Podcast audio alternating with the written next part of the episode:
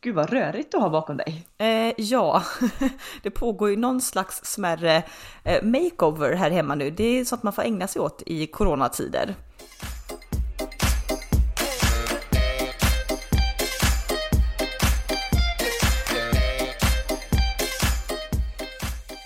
Jag pratade ju med en bekant till oss som har Colorama eh, i närliggande stad Mm. eh, för ett tag sedan och han sa det att det har aldrig typ varit så mycket renoveringar. Folk ska, alltså, du vet sommar, då skulle alla göra om altaner och grejer. Du vet, jag minns ju när vi skulle bygga staketet, vi åkte till byggfirman.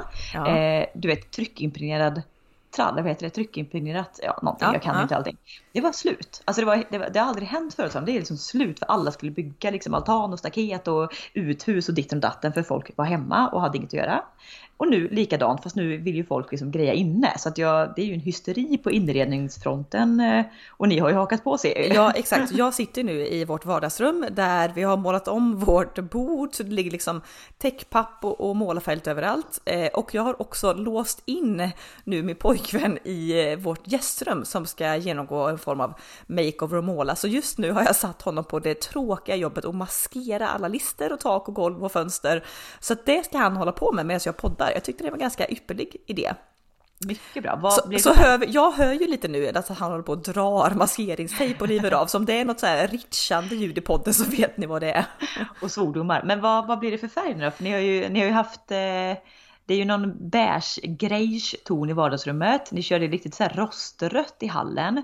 Vad, blir, vad blir det för färg nu då? Är det också varmt? Nej, i, vi målade om vårt sovrum för två veckor sedan och det blir samma färg i gästrummet och det är en färg som heter Abstract Green som ska vara lite grågrön. Jag tycker det mest ser grå ut.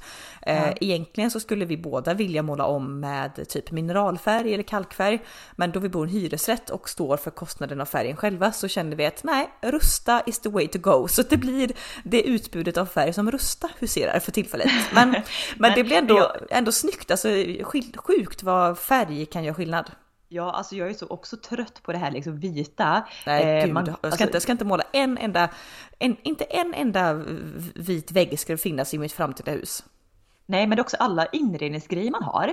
Eh, man kan ju tro att de poppar extra mycket om det är liksom vit bakgrund, men det är fasen mig tvärtom. Jag vet jag hade en Ja, ja. jättefin blombukett i våran matsal som var liksom vit förut. Så målade vi den här i en, en grön nyans i somras. Alltså allt blev så sjukt mycket snyggare mot just den här gröna färgen. Ja, för Allt, vitt, liksom- alltså du får ta i från tårna med övrig inredning om du ska få ett vitt rum och kännas mysigt. Men Ja. har du liksom, målar du det i någon form av färg, det behöver inte vara starka färger, men lite kanske varmare toner eller liksom grönt eller whatever. Alltså det blir sjukt snyggt. Du kan bara sätta in en soffa så är ett rum klart i stort sett. Ja, så att, nej, det är jättekul. Och jag tycker ändå rusta, för vi valde faktiskt just i matsal och vardagsrum så valde vi faktiskt rusta färg. Dels för att jag tyckte att de hade steppat upp och hade väldigt, väldigt fina nyanser. Men sen är det även så också, eh, livet med småbarn och just det man sitter och äter, det kan komma en du vet, tallrik pasta och köttfärssås på väggen. Då kände inte jag att jag vill lägga 5000 kronor för dyr färg. Så att då blev det rusta färg, men vi alltså sjukt nöjda ändå. Alltså Ja. med både kvaliteten och alltså mattheten och allting. Ja, du på tal om färg måste jag ändå bara woho! Eh, jag kommer tänka nu när vi pratar om färg så kommer jag tänka på att jag i min lägenhet då målade typ alla väggar med kalkfärg, vilket blev sjukt snyggt. Men och och så drog jag mig då lång historia att nu är ju lägenheten faktiskt såld. Yay! Yay! Grattis! Ja, förra veckan så var det budgivning och den här veckan så fick vi signat kontrakt så det känns sjukt kul. Eh, så Ja, det, gick, det gick ju ändå väldigt snabbt för eh, ja, ni som inte vet, Anna la ut lägenhet till försäljning. Du fick också ett liksom förhandsbud, man säger, att så här, Mm. tar du bort lägenheten så får du det här etc. Men du var ändå så här game on, jag vill köra visning och budgivning och det funkar ju med fast i hand väldigt bra. Ja, det lönar sig. Eh, Så att nu kan jag ju då börja titulera mig göteborgare på heltid och eh, ska även adressändra och det flytten ska gå och så vidare. Eh, Så det känns superkul. Ehm, Så Ja, att, eh, nej, ja. Grattis till den! Och, men jag vill också bara flika in på tal om eh, på färg så sa vi ju rusta. Vet, du skickar ju, ni var ju där i morse eh, och köpte färg och du Ja. skickade ju ett roligt klipp på din sambo Marre när han liksom har förtrollat sig in i, de har ju, ja vad jag såg på bilden i alla fall, på filmen, de hade ju en hel vägg med typ jultröjor. ja, ja Där Marre alltså var helt, gud när man inser att man numera är sambo med en jultokig person liksom. Det är så här, jag, jag gillar ju, vi var Eh, vi var en kort, kort, kort sväng på stan, behövde införskaffa lite nödvändigheter. Och vi bara gick vi förbi en inredningsbutik som hade som ändå julpyntat på ett väldigt sån här sobert och fint sätt. Som du säger, vi pratade lite om det förra veckan. Det var mycket naturmaterial, eh, färgerna de hade dekorerat med var liksom mossgrönt, brunt och vitt, alltså väldigt fina toner. Och det här kan jag verkligen vilja gå bananas på. Det blir inte så juligt utan det blir mer vintrigt i sin styling. Ja, exakt. Eh, men när man då... Det är inget man, inget man vill slänga ut eh, alltså första januari utan nej det kan sitta kvar typ till Ja februari. exakt och det här tycker min kille är väldigt snyggt också. Han vill ju inte ha det här röda. Men det är någonting, alltså jag tror det är femåringen i honom som verkligen alltså, går bananas när man kommer in i en butik. Det bara allting blinkar i olika ljus och färger. Han ville ha ett par, han hittade ett par strumpor också med tomtar på. Så att ah, men de här måste jag ha på julafton. Han vill ha såna här jul jultröjor med blinkande motiv. Han vill ha glitter och han, han vill se ut som en liksom julgran tror jag på julafton. Det är hans liksom innersta våta dröm. Men det finns ju någon julfilm med, eh, ah, hjälp mig nu, vad heter han, Mikaels favoritskådis med krulligt hår? Eh, Will Ferrell. Will Ferrell, det finns någon julfilm med honom när han är typ så här, har någon så här jätteklatschig jultröja vet jag. Ja. Så tänker jag mig Marre, för förra året så var inte ni typ på Beyond Retro och han hittade den, alltså fulsnyggaste jultröjan du kan tänka dig med så här bjällror på jo, magen jo. och som lät och blinka och fan hans moster. Jo, jo, i hans värld så skulle han ju ha en jultröja på uppesittarkvällen, en jultröja på julaftons morgon, en på eftermiddagen, en på kvällen. Alltså han skulle vilja ha en garderob på bara med jultröjor som han använder ett tillfälle liksom. Det är hans liksom innersta dröm. Eh, och, så jag fick liksom slita ifrån honom från den här liksom bananas Christmas crazy avdelningen på Ruster. Bara, så vi ska köpa färg, kom igen nu liksom liksom. Jag tyckte ändå skymta förbi en väldigt rolig jultröja då, var det med typ snögubbe och så med titeln så här I'm sexy and I know it. Ja, ja, exakt. Men det är sån här, åh gud, det är såna här kitschiga grejer som man bara, man bara kräks på det. Men ja, jag får ändå, får ändå liksom så här, han, han i sitt sinne fem år, ja, men han får väl köpa en sån tröja. Ja, så Marre, en... gå all in, köp jultröjan tycker jag, köp. Du, eh, på tal om lite annat, det var ju eh, inte så mycket jul vi skulle prata om. Det kanske ändå har lite med jul att göra. Vi pratade i början av veckan lite grann på, ja men ja du har, alltså alla människor har väl hjärnspöken. Och man har liksom, ja men vissa tvångstankar och liksom sidor hos sig själv som man bara, mm, ja det här är kanske inte mitt starkaste game. um, ing- de, de som man inte blottar för sin eh, kommande sambo första året, kanske inte andra heller, men sen ja, exakt. så glämtar man lite på den här den sjuka hjärnan 2.0 så att säga. Ja, och nu pratar vi inte så här, alltså, vi pratar inte sånt som är riktigt mörkt, alltså inte depression, inte liksom, inga sådana ångest och sådär, utan vi pratar så här sidor hos sig själv som egentligen man bara, ah, det här hade varit, jag hade varit en lite, lite trevligare person om jag inte hade haft de här sidorna. Och alltså någonting som jag, vi kan ju börja med en grej som jag och du vet jag är extremt lika över, det är ju vårt katastroftänk. Ja. Det här är ju rakt nedåtstigande led från vår kära mamma som har extremt också mycket katastroftänk eh, som har smittat av sig på mig och dig. Och, ja, det är överbeskyddande och katastroftänket. Och jag kan säga det Anna, om du tror att du har katastroftänk nu, vänta till den dagen om du får barn. Jag kan säga att det, det är inte sunt. Alltså den, nej, den nej. katastroftanken när man, man går igenom på bara en vanlig arbetsdag liksom. Det är fan skjut mig ibland tänker man alltså. Ja, ja nej, men jag kan ju också känna så ibland typ ja, men med, med dina barn liksom så här, som jag älskar över allt annat. Att bara men gud, tänk om eh, Tage skulle sätta i halsen. Tänk om han skulle ramla på förskolan och få en bordskant i ögat. Alltså du vet, man har ju. Ja. Och, och, och grejen är att det behöver, alltså, jag kan gå så långt så att vi var på lekplatsen precis här nämligen på, det är söndag nu när vi spelar in, på förmiddagen var vi på en lekplats och Tage åkte som en karusell eh, och så ramlade han liksom ner från karusellen lite för han skulle ta ett nytt grepp och ramla ner men han, liksom, han landade bara på sidan så att det gick bra. Men nu de här senaste timmarna har jag ju gått och ältat det här, sett bilder i mitt huvud att om han bara hade ramlat lite senare då kunde han ju slått huvudet i den där bänken som stod där. Mm. Och det, så kan min hjärna liksom fortsätta grotta ner sig i det mörka som aldrig hände. Det gick ju jättebra, han slog sig liksom inte ens. Men då, jag kan liksom fortsätta tänka på de här sjuka grejerna och bli uh, lite ja, hispig. Det, det är det här just, att var, varför har man så sjuk hjärna? Varför oroar man sig över sånt som ett, inte hände, eller två, aldrig kommer hända?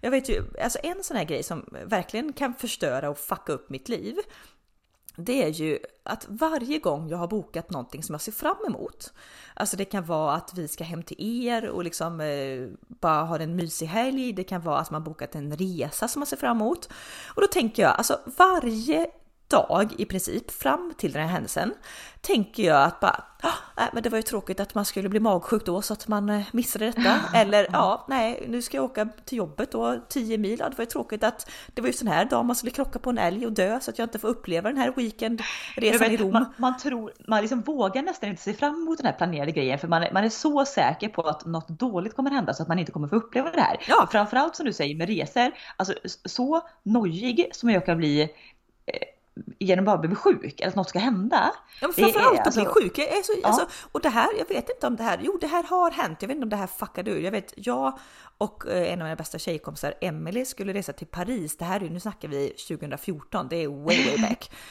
um, och jag kommer vi, ihåg detta, oj, oj, oj, ja. Vi skulle resa på en tisdag förmiddag, jag tror flyget gick kanske typ 9-10 på morgonen. Och då ska man säga att då, då var inte jag och du började resa mycket senare i livet. Så att när ni skulle åka nu till Paris, det var ju typ kan det ha varit andra, tredje flygresan vi nej, någonsin? Eller? Nej, det var, var det inte. Nej, nej, nej, nej, nej, men skitsamma. Men du hade det, i alla fall, hade du varit utomlands själv? Ja, ja. Jaha, ja det kanske hade. Ja, ja, ja. ja. ja. Eh, okej, okay, spola förbi. Okej, okay, bry inte om vad min virriga syster säger. Nej, men jag vet att vi skulle resa på en tisdag morgon eh, och ja, men man har ju lite flygnerver som vanligt. Eh, eftersom vi skulle vara borta typ i 5-6 dagar så hade jag ju tömt min kyl typ på så färskvaror som inte skulle bli dåligt. Och därför då på arbetsdagen då på måndagen så eh, skulle jag käka någon lunch och då åker jag och köper en sån här, du vet, del, sån här plocksallad som finns. Eh, ja, Piccadilly. Ja. Det finns väl typ inte ens nu? Nej, jo det finns fortfarande. Sjukt, jag såg det på ICA senast igår. Men eh, sjukt i coronatider. De tagit bort det? Ja exakt. Ja, de tog bort det men de har återinfört det igen. Eh, men i alla fall, jag skulle köpa som plocksallad. Gjorde det, käkade till lunch. Framåt typ två, tre tiden, det sitter jag på kontoret, bara ah, det börjar känna mig så kvalmig, börjar svettas, liksom bara äh, gå på toa, skölja ansiktet i vatten, skölja händerna i vatten. Bör, alltså jag mår bara riktigt jävla dåligt. Eh, jag vet att jag slutar arbetsdagen halv fem, men typ vid fyra så känner jag att äh, men fan, jag får nog åka hem det säger till chefen, du, ah, jag mår sådär, jag, jag drar hem en halvtimme tidigare. Han vet ju om då att jag ska åka till Paris och han bara, ah, men hoppas inte du blir sjuk och ha en trevlig resa. Och ja, ses nästa vecka, hej hej. Hinner typ komma ut i bilen, parkeringen, hinner som inte sätta mig ens i bilen förrän jag typ spyr då, det här är, så här, det är ingen som vet, spyr då bakom bilen liksom. För att jag bara, ah, någonting, äh, är på väg hem, får stanna typ två gånger på vägen hem på en tre minuters bilresa. Och spyr två gånger till. Bara kommer hem, och jag bara shit, vi ska åka till Paris imorgon. Jag är typ du skulle, packa, du ska liksom packa och ja, grejer liksom. Exakt, skulle ha en mysig kväll, vet, bara gå in i det Paris-modet, ta ett glas rött på kvällen, ringa till Emelie till vår resa. Hon håller på att smsa hela kvällen och jag kan ju inte med och säga till henne då att shit, jag har blivit magsjuk. Så jag ringer då en annan vän som får komma, för jag har ingen mat hemma, som får komma till min dörr med liksom en ICA-handling typ bestående av så vitt bröd och bara jag måste få i mig någonting. Det var ändå gulligt, jag vet att den personen hängde ju på din dörr typ så blåbärssoppa, vitt bröd, ja, kräm. Exakt, exakt. så att jag bara hela den, hela den eftermiddagskvällen går alltså åt till att jag bara jag måste bli av med bakterien. Antagligen har jag blivit matgiftad så det var väl någonting i den där jävla plocksalden. Så att jag äter liksom typ äter och så det kommer upp, äter kommer upp så håller jag på hela kvällen. När Sen däckar jag på natten, sover, när klockan ringer klockan sju. Du vet hur man mår lite, man har varit magsjuk i typ 12 timmar, man, man mår inte helt, jättebra. Man är som ett utsketet äpple helt enkelt. Ja, men jag, Även om någon liksom, det här var ju matförgiftning så det var ju liksom när du hade fått ut det så var det liksom fine. Ja exakt, men, men man, man, är ändå man är uttorkad. Och, nej, men jag vet, ja, upp där, liksom, vågar inte äta någonting då på morgonen för då tänker jag att då kanske det kommer upp så bara nu ska jag hålla igen. Så jag du vet så här, på med liksom smink, fixa håret, på med en liten hatt liksom, möter upp då eh, Emily bara så jättepepp Paris, tar liksom bussen ner till Landvetter. Och liksom typ hon bara, men ska vi ha en kaffe på vägen? Och jag bara, nej, mm. jag säger ingenting till henne för att jag, dels vill jag inte noja henne att jag är magsjuk, kanske smittar henne då. Vilket kanske är jättedålig egenskap som vän, I don't know. Men sen går ju resan bra, jag, alltså på flyget ner och sen, vi har ju bästa resan i Paris så jag är ju inte sjuk då. Men jag tror att den här händelsen alltså gör att varje gång jag bokat en resa, alltså det, jag, alltså jag känner efter. Jag känner aldrig efter så mycket som det, veckan innan en resa. Bara, oh, oh, har jag inte lite ont i magen? Oh gud, kommer jag få feber nu? Uh, alltså jag är så nojig så att som du säger, jag kan inte njuta av de här Nej. dagarna innan resan för att jag är helt 100% övertygad om att resan inte kommer bli av för att jag är sjuk. Exakt, Någon, någonting kommer hända som gör att det fuckar upp hela den här resplanen. Vilket är synd, för jag och du som vi nämnde tidigare poddar, det är ju förberedelserna fram till någonting som är typ nästan det bästa. Så att det här, liksom, det här, det här grusar ju ner lite alla de här förhoppningar och förväntningar man vill ha. Ja, och jag vet inte vad det beror på. Är det på något sätt har det med vårt sjuka typ kontrollbehov, katastroftankar, att man liksom, att man, eh, du kan, ja, man kan ju inte kontrollera att man inte blir sjuk liksom, det går ju inte. Eh, och, och, typ katastrofer, förutse dem, det går inte heller. Alltså, eh, if it happens, it happens. Men det är någonstans där som jag och du bara, pff, hela hjärnan blir liksom bara, fan. Ja, gud. På tal om flyget, det är ju, det är mitt värsta. Jag, kan ju, jag sitter ju här, liksom nu, här hemma, jag har ingen resa inbokad på jättelänge framöver. Ändå kan jag, när vi bara pratar om flygning, så kan jag känna nästan typ så här hur jag börjar så här. Jag kan inte riktigt andas och, och kallsvettningarna. Alltså det är fan med det värsta som finns att sätta sig i ett jäkla flygplan. Någon annan ska ha liksom kontrollen över ens liv. Och jag, alltså det har ju gått så långt så att för några år sedan fick jag ju ringa en läkare innan vi skulle ut iväg och flyga och eh, jag, jag fick alltså utskrivet Ja, jag fick alltså utskrivet lugnande. Mm. för att vi skulle kunna genomföra den här resan. Ja. Sen tycker jag att de där pillerna, undrar om inte det bara är sockerpiller för det, de hjälper föga. Men alltså. Jo men, jo men eh, placebo ska inte underskattas i sådana här lägen. För det är ju ändå, det är bara ens sjuka hjärna som behöver stillas. Och sen om det, vad det nu är man stillar det med. Om det är ett sockerpiller eller om det är liksom ett riktigt jävla starkt man får utskrivet av någon, av någon snubbe i någon gränd. Nej, men... Exakt, och det sjuka är att Alltså, jag kan ju tycka med, med just flygning, om vi ska gå in lite på det. Många är ju rädda vid start och landning och det är väl egentligen då kanske statistiskt sett som det kan hända grejer. Men då tycker inte jag att det är någon fara för då ska det liksom bullra och väsnas lite och det ska liksom så här. Men det är när man är uppe i luften och det ska vara liksom en smooth ride i kanske antingen en timme eller åtta timmar beroende på vad man ska. Mm. Det är där jag är så, alltså så, jag är så sjukligt rädd. För okej okay, om det bara går helt tyst, men så fort det bara vet, skakar till minsta lilla, det kan nästan räcka att flygvärdinnan går förbi med drinkvagnen så att det skakar till lite. Då får jag alltså sån dödsångest att jag, jag får ju sitta, jag vet ju när vi åkte till New York, jag fick ju sitta alltså och andas i fyrkanter i sju eller åtta timmar bara för att inte få ett fullständigt panikanfall och liksom vilja ta mig ut ur flygplanet. Nej och där är jag likadan. Jag är också, jag kan säga att har jag väl hoppat på ett flyg, det här är, men det är också lite beroende, kan inte du, nu har jag kanske flygit mer än det som jag har flygit mycket i jobbet och sådär. Men jag kan känna att det är så jäkla mycket beroende på dagsform och också tid på dygnet man flyger. Ja. För flyga på morgonen, alltså det är mitt absolut värsta. Man är väldigt skör människa på morgonen kan jag känna. Väldigt skör. Och ofta, ofta också, i och med att inte du bor i Göteborg nu, men vi har ju inte bott nära flygplatser. Så det är ofta ska du flyga på morgonen, vilket innebär att du har fått ställa klockan mitt i natten. Du har fått köra bil i mörker då, kanske två, två och en halv timme till flygplatsen. Och, och, redan där är ja, jag ju så rädd så att jag dör. Ja, liksom, och redan jag är här... rädd för att köra i mörker, jag är rädd för vilt, jag är rädd för att krocka, är rädd för... Oh. Exakt, så redan där, där är ju mixade rädslor. Det som är ju rädd för själva flyget och sen är man också då som du säger, ja så ska man utsätta sig för att köra i mörker och så ska man tycka, ja det var ju synd att jag krockade med den här älgen då och missade flyget. Alltså det är så exakt. många olika grejer. Och till det här, jag är ju Ja, men vissa flyg kan känna när man väl har satt sig på planet, då är det så att ah, okej, let's go. Vissa gånger är jag lite mer manana, vissa gånger så är, som du säger så får jag liksom nästan panikångestattacker som bara avlöser varandra under en hel flight. Men ja. mitt värsta är också innan, blandat då, alltså en vecka innan jag ska resa.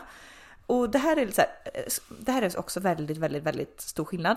För ska jag resa privat, säg att jag och du typ ska åka på en weekend i Palma, låt oss säga. Ja. Då har jag bara de här katastroftankarna om att jag ska bli sjuk innan och missa det här roliga. Bara, det var ju synd, liksom typ så att vi inte fick komma iväg på den här resan. Medan typ om det är en jobbresa jag ska på, alltså då har jag sån dödsångest så att alltså, folk förstår inte. För då, då är det också, då är det också att, ja men jag har ju inte valt det här själv. Jag, ska, jag åker för att någon annan tvingar mig åka till Tyskland för att gå på en jävla mässa. Och ja, jag vill inte dö för den sakens skull. Jag ska sitta Nej. på ett plan själv och åka på något ställe jag inte vill. Och ja, det är klart att jag kommer dö på den här resan. När jag inte sitter jag med någon person jag älskar bredvid mig också. Exakt. Min bästa flygresa skulle ju ändå vara om, du vet, om alla i familjen, alla jag älskar är på flyget till samma resmål. För if it goes down, we all go down. Ja. För jag kan ju också vara så, och samma nu med barn, då är jag ännu räddare. För jag är ju livrädd då alltså att jag ska flyga med jobbet framöver det kommer aldrig hända ska jag säga. Då får du ge mig, ge mig det starkaste droger du har och söva ner mig på planet i så fall. För usch, jag får nej, nej, och det här är så synd då, för att jag vet man sitter och pratar med folk och folks drömresmål, typ såhär åh Maldiverna vill åka. Alltså jag är såhär, skjut mig. Att jag ska sätta mig typ och resa i 20 timmar på plan, dessutom med små propellerplanen ut till de här isolerade öarna där det också inte finns någon hjälp att få om, om shit goes down. Alltså jag kan inte Också tänka mig... med mina, dina allergier, ja då äter du väl en jordnöt av misstag på den lilla ön, ingen räddning kommer fram och Ja, men jag, jag, kan inte, jag kan inte tänka mig, jag skulle aldrig vilja åka till Maldiverna, Bora Bora, Fiji, alltså aldrig i det livet. finns, ju, det finns ju visst, nu, nu kanske inte bara för flygrädslan utan mycket för miljön att göra, men mina drömresmål jag har är ju inom Europa. Ett, Ja, ja. flygresan tar inte mer än 3-4 timmar. Två, det är fantastisk natur i Italien och Frankrike och Mm. matkulturen och jada jada. Men jag kan ju som du, jag kan ju få riktig, alltså riktig ångest att behöva sitta på ett plan så länge. Du vet om jag ska sitta och andas i mina fyrkanter, då klarar min mentala hjärna att göra det en eller två timmar. Sen får jag ju panik att jag ska sitta och fortsätta göra det här för att somna på ett plan. Nej, nej, nej, nej, det händer inte. Nej, nej, och nej, ska jag nej. då sitta och tvångsandas i fyrkanter typ i en papppåse i åtta timmar? Nej. Nej, och samma Nej, sak, jag- samma sak, ska man resa till Norden, eller till Norden, och gud, flyga till, flyga till Oslo en, en minut är bra. Nej, men ska man resa inom Europa, då ska det också vara direktflyg. Jag kan ju få panik, alltså det här är också gånger, många gånger via jobbet, chefen ska boka flyg, vill såklart ha det billigaste alternativet. Och så bara, ja ah, men det här, du kan resa till typ eh, eh, Eh, Düsseldorf ser vi i Tyskland. Alltså tar du enkel flight dit tar det typ två, tre, två, tre timmar max liksom.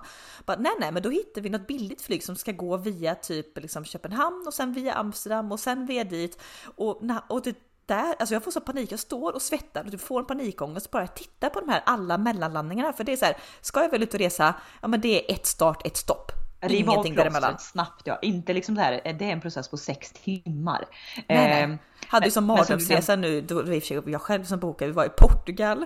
Ehm, det här var i år faktiskt, precis innan corona bröt ut så var det i slutet på januari så var vi i Portugal och eh, fota med jobbet. Alltså jättehärlig resa på alla sätt och vis. Eh, Men att flyga till Algarvekusten i januari, ja det går inte direkt de bästa flygen. Så att enkel resa dit tog alltså 15 timmar för det var mellanlandningar, flyg, transfer, mellanlandning, flyg och etc. Och dessutom då på vägen hem från den här resan så får vi sju personer i teamet som jag handplockat. Fyra av oss är typ alltså dödssjuka i vad kan ha varit corona. Vi har sån hög feber, sån hosta så vi inte får luft. Så flyga då och resa i 15 timmar på den här, äh, du vet, nej. Nej, nej. Nej. Lås, Nej. lås in mig i ett hem och jag stannar här. på tal om sådana här eh, mardrömsflygningar, nu kanske inte det här var en mardrömsflygning men du nämnde ju de här små propellerplanen tidigare. Mm. Eh, kommer du ihåg när vi var i eh, Tanzania? Vi, skulle flyga, vi hade varit på safari, vi skulle flyga ut till Zanzibar. Om jag kommer ihåg. Och då, då mina damer och herrar kan jag ju bara guida igenom er hur det här ser ut. För man, flygplatsen, alltså det var inte den stora flygplatsen i Tanzania som vi hade landat på utan det här var någon liten flygplats. Arusha ute- eller något va? Eller? Ja, Ar- ja något sånt där. Eh, som låg mitt ute i ingenstans. Guiden liksom kuskar dit oss i jeepen. Man liksom får, vi har ju med liksom stora resväskor och allt sånt där. Eh, kommer till det lilla skjulet där man då ska visa upp pass och bla bla bla och vart man ska. Ställer alla väskorna, liksom så här, ja men kommer en liten kille, rullar ut väskorna, bara vi kan gå bort här till planet. Man bara gå, jaha, ja men vi går väl den här grusvägen till planet. Där på åkern står alltså ett litet, litet propellerplan. Och hur många kan vi varit i gruppen som skulle flyga? 10-12? Nej, jag minns exakt. Vi var 13 personer som skulle flyga i ett 11 manna flygplan. Just Men det här har ju de givetvis en smidig lösning på. Mm. För om, och så tittar liksom den här piloten eller vad det nu är som är med oss, tittar liksom på planet, tittar på oss, tittar på mängden väskor, på oss igen på planet och rycker på axlarna. Okej, vi kör typ. Ja, och det Eh. de har en fiffig lösning på då, det är att de fattar att de får slänga ut, det är ändå en andra pilot med på det planet. Så de fattar ju med att okej, vi behöver frigöra en plats till. Så de frågar i gruppen, är det någon av er som har flygvana?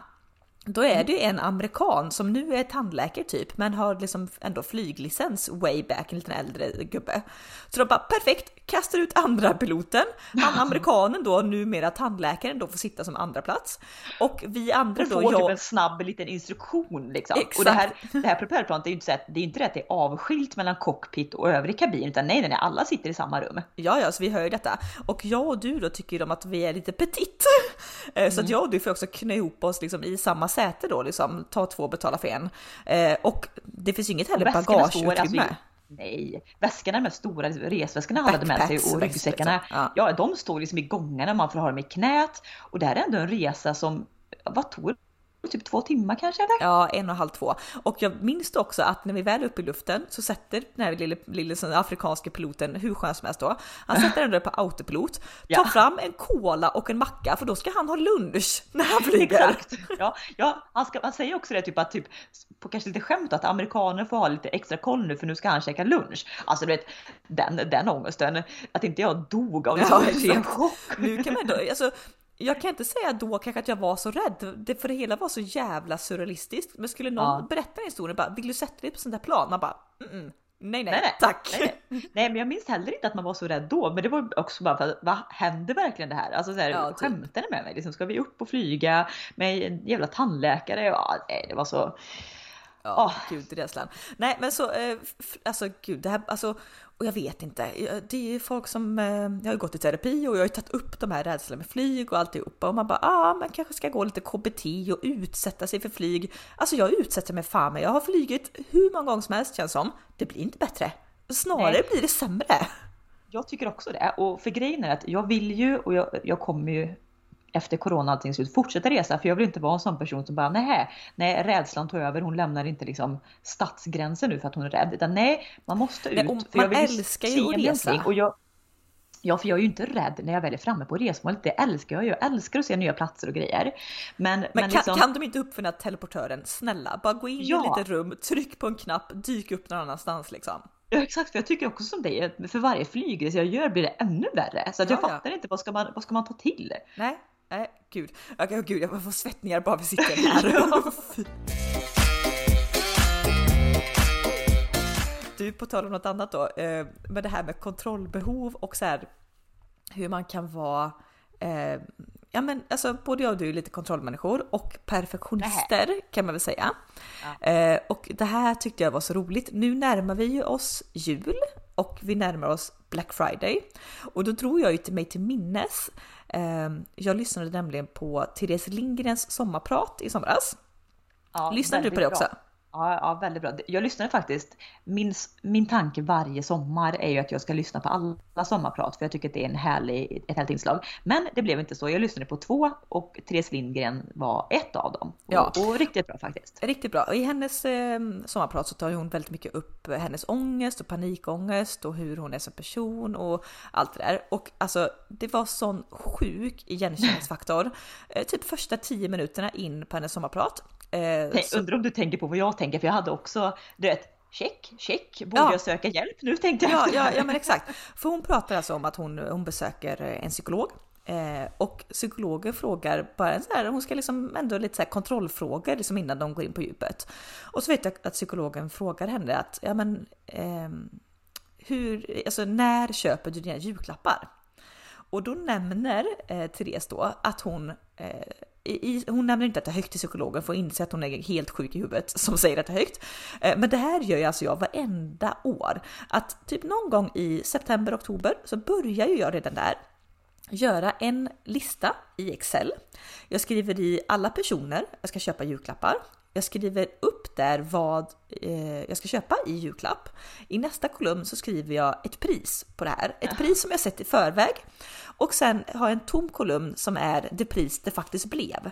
Sen har jag den här listan helt färdig. Sen på Black Friday, alltså som en klocka, så går jag in på alla nätshoppar. Jag köper varenda grej som står på den här listan.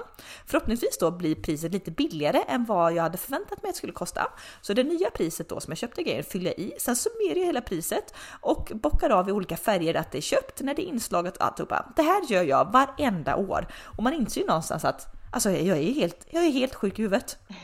Ja, men jag kan, inte, jag kan inte föreställa mig att man bara liksom har köpt, nu pratar vi julklappar som är ganska basalt men att man bara köper lite julklappar och sen ska jag då, vadå ska jag komma ihåg allt det här?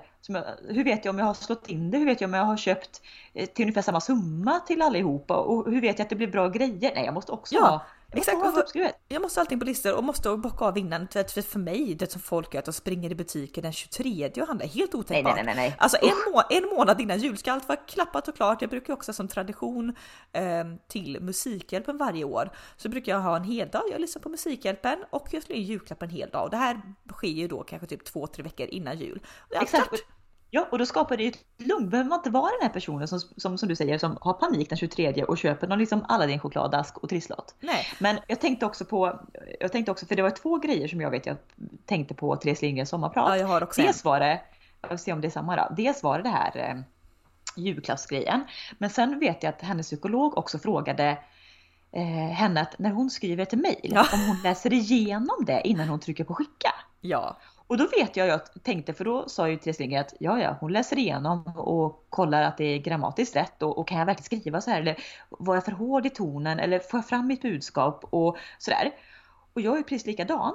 Och jag tänkte så här, vadå, gör inte alla så här? Alla Ja. läser väl om ett mejl innan man skickar det? Ja, och jag läser, alltså jag läser inte om det en gång. Jag läser kanske det alltså typ tre gånger och det spelar ingen roll om det här är typ ett eh, affärsmail då till någon extern person som ska vara väldigt viktigt och sakligt eller om det här är i en liksom gruppchatt liksom eh, med kanske några nära vänner vi ska bestämma en middag eller vad det är. Alltså jag skriver och precis som du säger jag kollar stavning, jag kollar grammatik, jag kollar så att mitt budskap har framgått tydligt och Ja. om jag ska ha en sträng ton, att den är sträng men ändå inte för hård. Om det ska vara trevligt, har jag rätt, valt rätt smileysar i det här?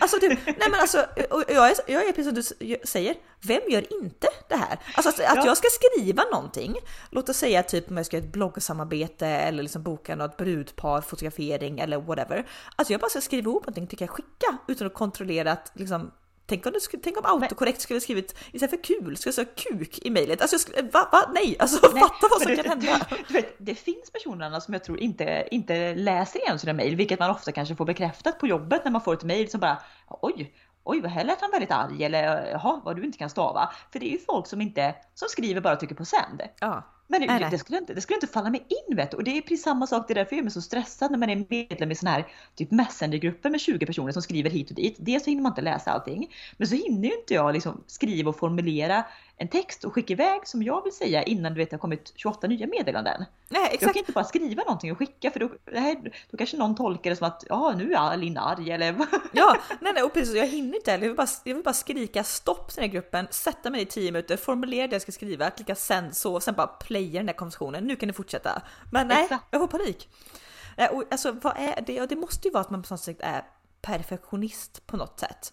Och kontro- alltså, eller kontrollbehov. jag vet, jag vet inte jag vet inte vad man ska titulera det som, men någonting som gör också, kanske också en osäkerhet, för det också handlar om hur, hur jag framställs genom mejlet. Mm. Att man vill bli rätt tolkad, liksom sådär.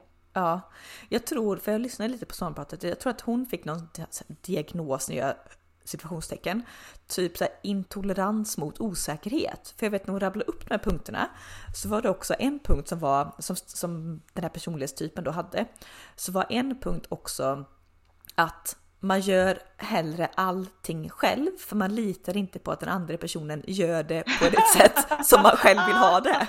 Ja, hallå hallå alla grupparbeten i skolan.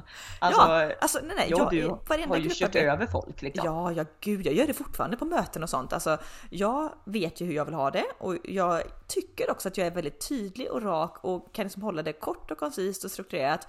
Så jag är väldigt gärna ledare och jag liksom gör också gärna allting själv. Jag har, det är därför jag antagligen jag jobbar så sjukt mycket som jag gör. För att jag har väldigt svårt att delegera bort arbetsuppgifter. Också av erfarenhet att när jag väl gör det så tycker jag inte att det blir så bra. Så att då gör jag om saker och ting efteråt Exakt, så då själv. är det ännu mer jobb. Ja. Och det, värsta, det absolut värsta som finns, eh, enligt mig, är om du är ett stort sällskap som säg ska planera någonting, eller om det är möhipp eller vad det är. Och där alla, där, där liksom tonen blir, ja vad tycker du, ska vi göra det här? Eller vad tycker du, har du någon idé? Det, alltså, du vet, det kryper så i kroppen så att jag får fan med helt Då vill jag panik. bara att vilja skrika nej, ni får inte ha någon åsikt, nu gör vi så här, punkt. Ja men typ att någon, där ska någon i gruppen gå in och ta ledarrollen och bara vi kommer göra så här och så här och här. Delegera ut att eh, eh, jag kommer köpa det här, ni swishar det här till mig, bla bla bla. Men du vet att folk ska liksom hålla på och tycka och tänka och, och, och ha åsikter. Nej, och Alltså, du, får- vänta, vänta, jag ska också klippa till det värsta. Man skickar ut så här bara att hörni, vad säger ni, middag om två veckor, fredag hemma hos mig. Skickar man kanske till åtta personer. Så mm. börjar någon, alltså två personer säger ja jättebra jag kommer, jag kommer. Så börjar en tredje. Jag kan inte det datumet, jag kan den här, kan ni då? Och så svarar de andra sex, ja jag kan det datumet och det börjar diskussionen ja. om att man ska byta Eller, datum och hitta något datum. Någon som alla kan. någon in så här bara, ja, ja fast vi skulle också kunna hitta på, vi skulle också kunna gå på bio. Ja men vilken film? Då bara, men bryt! Alltså jag vill ju bara styra upp en middag här, inte flytta något jävla datum. Utan... Nej och inte byta aktivitet, nej så jag får också psykbild. Och det här, det här är också så här, Gud, jag har blivit bättre på detta, men jag kan absolut erkänna att oj, oj, oj, det, det här finns fortfarande 100% hos mig. Och också som man märker då i samboskapet, att jag vill att saker och ting ska göras på ett visst sätt.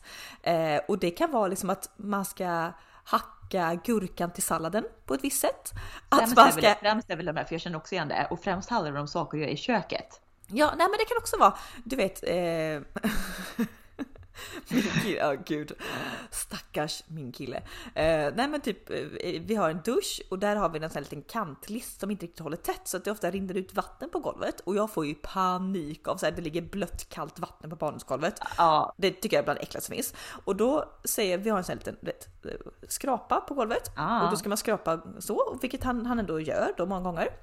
Men så tycker jag att han skrapar lite fel för det blir inte helt torrt när han skrapat. Så börjar jag lära honom nya tekniker för hur man skrapar golvet och det här, det it goes on and on. Det är man diskar, ja men då, det här diskborsten är bättre än den du använder. Och du vet, alltså jag får ju så här, herregud människa, vad håller du på man, med? Exakt, ibland måste man bara lägga band på sig och, och det här är ju, jag och Mikael är faktiskt likadana fast vi har olika alltså kontrollbehov på olika grejer i hemmet. Ja. Jag har ju definitivt maten, vilket har gjort att han vågar typ inte Dels så har jag ett mycket, mycket större matintresse än vad han har och, och, och därför tar ju jag bollen med att laga mat och allting. Men han har också någon gång sagt att han vågar typ inte laga mat för att jag skulle ändå typ vilja komma in och göra det på mitt sätt. Eller vet, titta honom över axeln och ändå typ ja. vet, vara den här backseat driven att bara nej, ha, nej hacka löken lite mindre. Typ så här. Ja, och, jag, också, och det, jag kan bara komma, nej vänta, jag ska bara säga en sån banal sak. Vet jag typ, jag skulle aldrig låta honom bre en smörgås till mig. Nej. Alltså, det, här, det här pratade de ju om i eh, eh, den fredagspoddens Hur mår du? Och jag garvade ja. ihjäl mig alltså. Jäklar. Ja jag vet, det var sån igenkänningsfaktor. För det är också här, om Mikael skulle bre en smörgås till mig, du vet då skulle jag du vet, nej men för jag är ju väldigt så perfektionist med smöret. Det ska liksom vara jag gillar ju smör för det första, alltså man får inte snåla med det. Man får absolut inte bara dra en liten sträng i mitten. Nej, nej, nej. Smöret Ut måste liksom täcka hela mackan, ut på kanten allting. Mm. Och sen liksom pålägget, eh, då är det också typ så här hur man, hur man lägger det. Ska man ha skinka och ost, då tycker jag skinka ska vara under, sen osten och sen mm. någon gurka. Och ska det vara liksom paprika, men då vill jag ha den skuren på ett visst sätt. Så stackarn, alltså han, har, han får ju inte en chans. Nej, och det är det här jag menar, alltså man kan ju väldigt lätt bli, alltså ta det här matlagningsexemplet. Jag älskar också att laga mat, men jag älskar också att laga mat tillsammans med någon.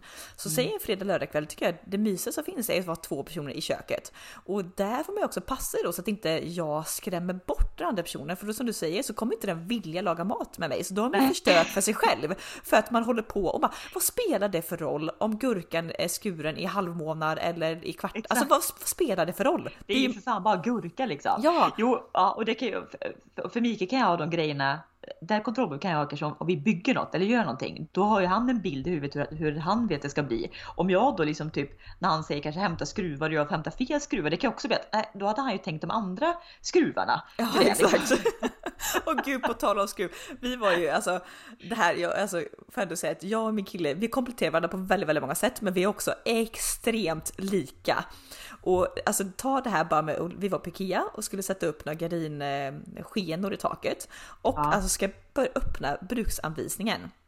Och jag har ju varit van vid mina tidigare förhållanden så har jag haft personer som är väldigt så här ja, men lite blåa i sin personlighetstyp som bara, men nu läser vi verkligen bruksanvisningen. Börja punkt 1, läser igenom hela, okej gå tillbaka till punkt 1, har förstått allting. Läs igenom bruksanvisningen hela från perm till perm först innan man liksom plockar upp, lägger ja. skruvarna i viss liksom Ja exakt, sortera och... upp skruvarna. Typ. Jag är så här, öppna bruksanvisningen, alltså typ bara skummar på två sekunder igenom den.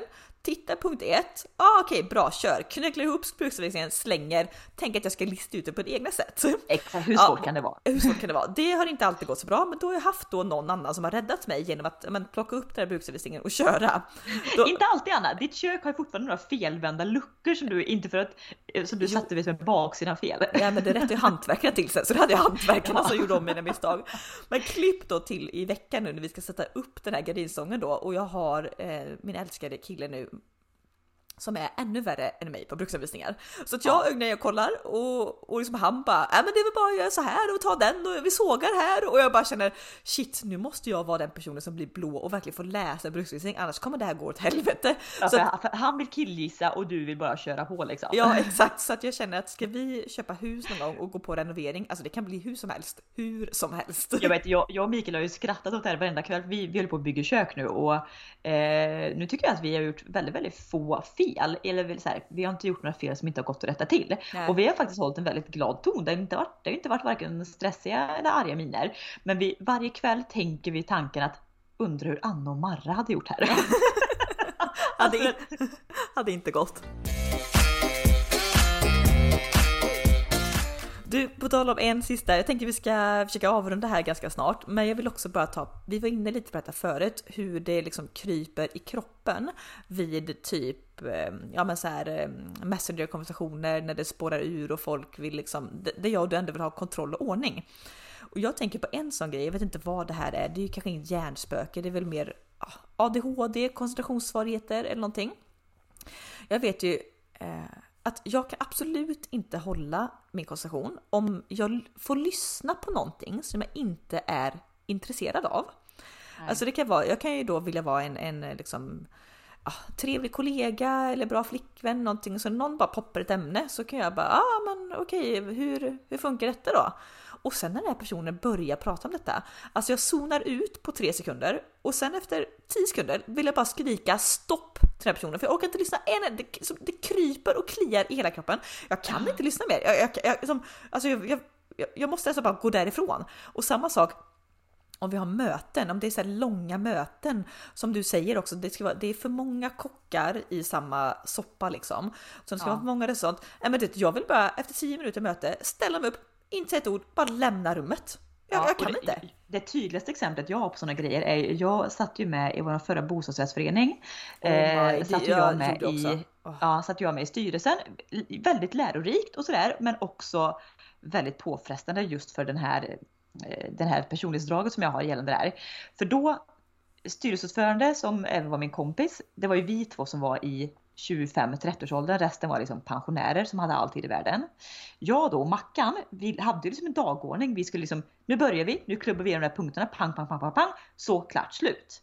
Det var liksom vår agenda. Mer som pensionärerna vill ju grotta sig ner på varenda fråga och komma ut in på stickspår som inte hade med typ ämnet att göra. Som att, ja såg du att Agda hade skaffat nya blommor nu på, på entrén? Och, du vet, och när det här bara drar ut på tiden, drar ut på tiden, vi har suttit i styrelsemötet i två och en halv timme på kvällen, vi har kommit till punkt två. Då vill jag också, alltså det kryper i min kropp så jag vill bara ställa mig upp och bara skrika bara HÅLL KÄFTEN! jag är också, gud, alltså jag är också med, nu ska jag ju flytta då, det här är ändå okay, sjukt att jag tycker att det här är väldigt skönt, men det skulle faktiskt bli väldigt skönt att flytta för just att då kommer jag ur styrelsen. Jag är också med i min bostadsförening, eh, jag är också så här, varför fan jag var med, sen hyrde jag ut min lägenhet i andra hand. Då gick jag ju ur styrelsen.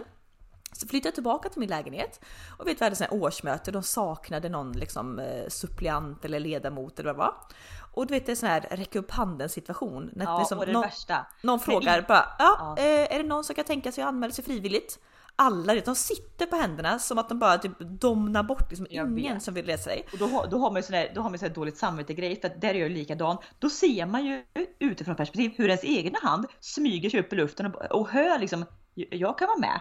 Och man bara tänker sig själv, nej nej nej varför sa jag det? Varför ja, sa jag det? Samtidigt som jag säger det vill jag ju skjuta mig själv och hänga mig själv samtidigt. Men nej absolut, då får jag med i styrelsen jag kommer, jag kommer ju lätt bli en sån, du vet, om någon ska vara klassförälder. Det vill ju inte jag vara i framtiden. Men jag nej. lovar när man sitter på föräldramöten och bara, är det någon som vill bli? Och du vet alla tittar ner i bordet. Då kommer jag ju höra mig själv att, ja, jag kan, jag kan, jag kan ta rollen. Ja, och, nej, och det här också. Och jag har ju varit med så många styrelsemöten. Också i min förening är det mestadels ja, pensionärer, väldigt mycket äldre folk. Och det här också, som du säger, det drar ut det, alltså ett möte tre, fyra timmar. Och det är klart, det är kanske det enda roliga de har sett fram emot Ja, på fyra månader. De tycker Och det med- är jättekul att ses medan en annan som har stressigt liv vill bara riva av Ja, det här. och jag vet inte hur många gånger där som jag bara typ ungefär när vi är halvvägs in. Du vet, du vet jag får sån spasm i kroppen så att jag har rest mig upp och sagt att nej oj du nu måste jag iväg, jag ska kvällsjobba eller någonting lite. Du vet, jag drar Ja. vit lögn och går för att jag, jag vet, ska jag sitta där en sekund till? Nej men det, det är som att jag sprängs. Då sprängs jag. Ja, det är som varenda atom i mig bara Alltså, jag kokar och jag, det, en artig person hade kanske sagt så här att "Ja, men hörni, jag har inte alltid i världen, kan vi rappa på lite nu? Men jag vill inte vara oartig, istället vill jag bara gå. Då går jag bara. Då sitter jag, då sitter jag bara tyst, eh, du eldar upp mig inifrån och ut och bara blir så här. Det här är så ointressant, det här är så ointressant, det här är så ointressant. Vad gör det jag här? ointressant. Vad gör jag med mitt bara, liv? Tänk vad jag kunde göra istället, tänk vad jag kunde göra istället. Vilket jag också har tänkt så många gånger på jobbet. När men du vet, ja okej, vi behöver inte prata jobbet. Men, ja, Rage! Nej, men nej. Så att eh, vad ska jag sammanfatta det då så är det katastroftankar. Det är eh, tvångstankar då vid typ eh, ja, men katastroftankar vid resor, att något ska hända, att alla personer i ens närhet ska dö, att alla ska lämna en och så vidare. De finns ju. Det är tvångstankar att eh, man är perfektionist, att saker och ting ska göras på ett visst sätt, annars blir det fel. Och blir det fel så blir det inte roligt. och det är ju kontrollbehov också. Tvångstankar, alltså eh, riktiga sådana OCDs har ju inte jag och du att du måste släcka och tända lampan sju gånger typ. Nej, men, det är mer men kon- det är mer kontrollbehov. liksom. Ja, och sen någon form av rastlös ADHD som inte kan sitta still och lyssna på någonting man inte vill lyssna på. Och så oros, orostänket. Men det, det, det är mörkt. Det är liksom inte ens roligt. Det är de här orohetstankarna. Jag måste, måste bearbeta dem alltså. Ja, gud, det är liksom, ja, ja. Så, men, du, jag tänker, vi ska kanske båda ska, jag måste ta upp, nu var det typ, det var typ ett år sedan jag var hos min terapeut sist. Jag kanske känner att jag borde kanske liksom ventilera lite. Eh, ingen KBT då, för jag kan inte sätta mig på ett plan och tänka att det löser sig, för det gör det inte. Jag måste ha något eh, annat, annat verktyg. Där tar vi till medicinering. Jajamän, jajamän. Och med eh, de peppiga orden så tänker jag ändå att vi, alltså fasen, jag är lite sugen nu på, du jobbar ju inte så du kanske inte har den typen av mejlkonversation just nu. Men jag tänker att det vore ändå rätt kul att jag bara en vecka testa varenda mejl jag skriver den här kommande veckan ska jag inte läsa igenom. Nej, bara, bara tryck på, skriv rakt ifrån huvudet och tryck på skicka. Ja, fast egentligen vad är det värsta som kan hända? Att någon kommer tillbaka och säger bara att oj du, du skrev lite fel. Då kan man bara ah, haha, ja det gjorde jag. Eh, Ja, det var lite, gick lite fort där. gick så fort där. Det är ingenting som händer. Och, nej, så, så Jag kanske, jag kanske kan ha det på personligt plan då. I mina messengergrupper får jag inte, får jag inte, jag får inte tänka så mycket. Jag bara skickar. Nej. Som det här, det finns en känd slogan, jag vet inte vilket verk det är, mm, mm, men just do it kanske Nike. Hörni, eh, du, nu, nu får du återgå och hjälpa din sambo med målandet tror jag. Ja. Jag ska fortsätta skruva IKEA-skåp. skruva Men eh, det Ikea-skåp finns, du. eh, ja till köket, men vi har bara ett högskåp kvar. Mm. Sen är det faktiskt klart. Bra, sen är bruksanvisningars tid förbi. Ja, alltså ja, gud ja. Tack och hej. Ja, de är inte roliga. Eh, Men hörni, det är måndag. Eh, Jag tycker vi alla ska släppa lite kontrollbehov och eh, katastroftankar och perfektionstankar här veckan och så bara så lever vi lite grann. Det är ändå corona, det är tråkiga tider. Vi måste inte göra dem tråkigare så att släpp lös lite och lev. Släpp lös. Ha det gött. Hej. Hej!